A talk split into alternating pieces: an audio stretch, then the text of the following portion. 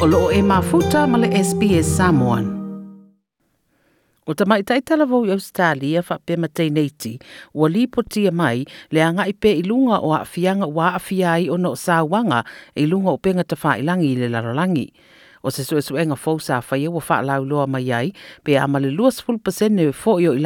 ia, wa iei le popolenga i lo latou saunga le muu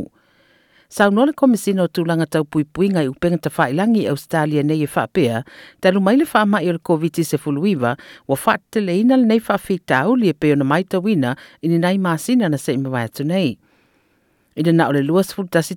matua o le tamaʻitaʻi o madura prakash sa tele sona taimi na faaaluiluga o pega tafaailagi e fiafia e faaogā le facebook o twitter instagram ma tiktok ae famaia ia o le tele o taimi na te langona ai lona lē saoga lemū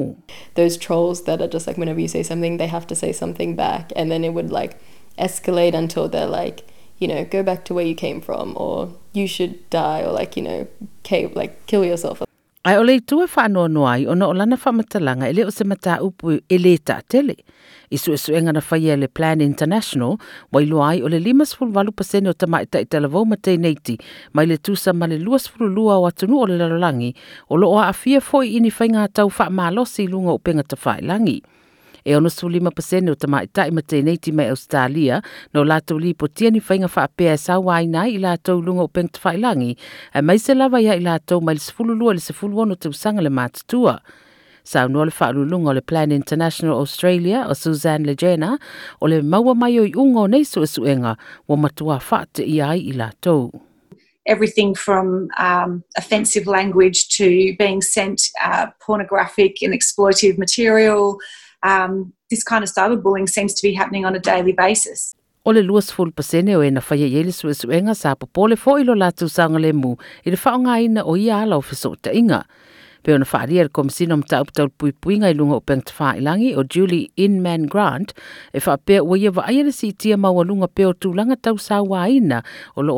i tū pā ese ese. You know, we're already seeing um, some really significant societal impacts in terms of young women wanting to go into fields that require them to be on social media as part of a pre- professional imperative. And this is you know misogyny that's playing out in an online space and it's designed to silence women's voices and sadly it's working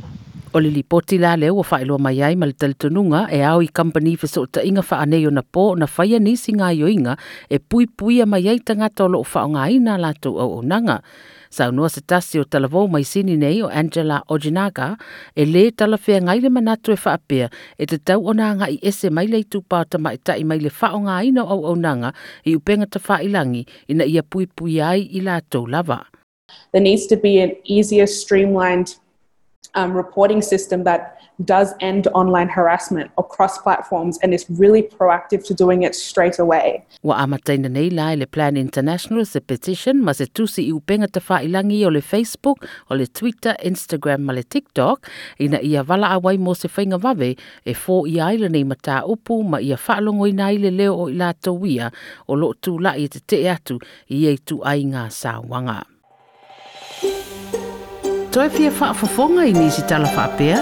Faa fofonga i le Apple Podcast, le Google Podcast, Spotify, ma po o whea lawa e podcast.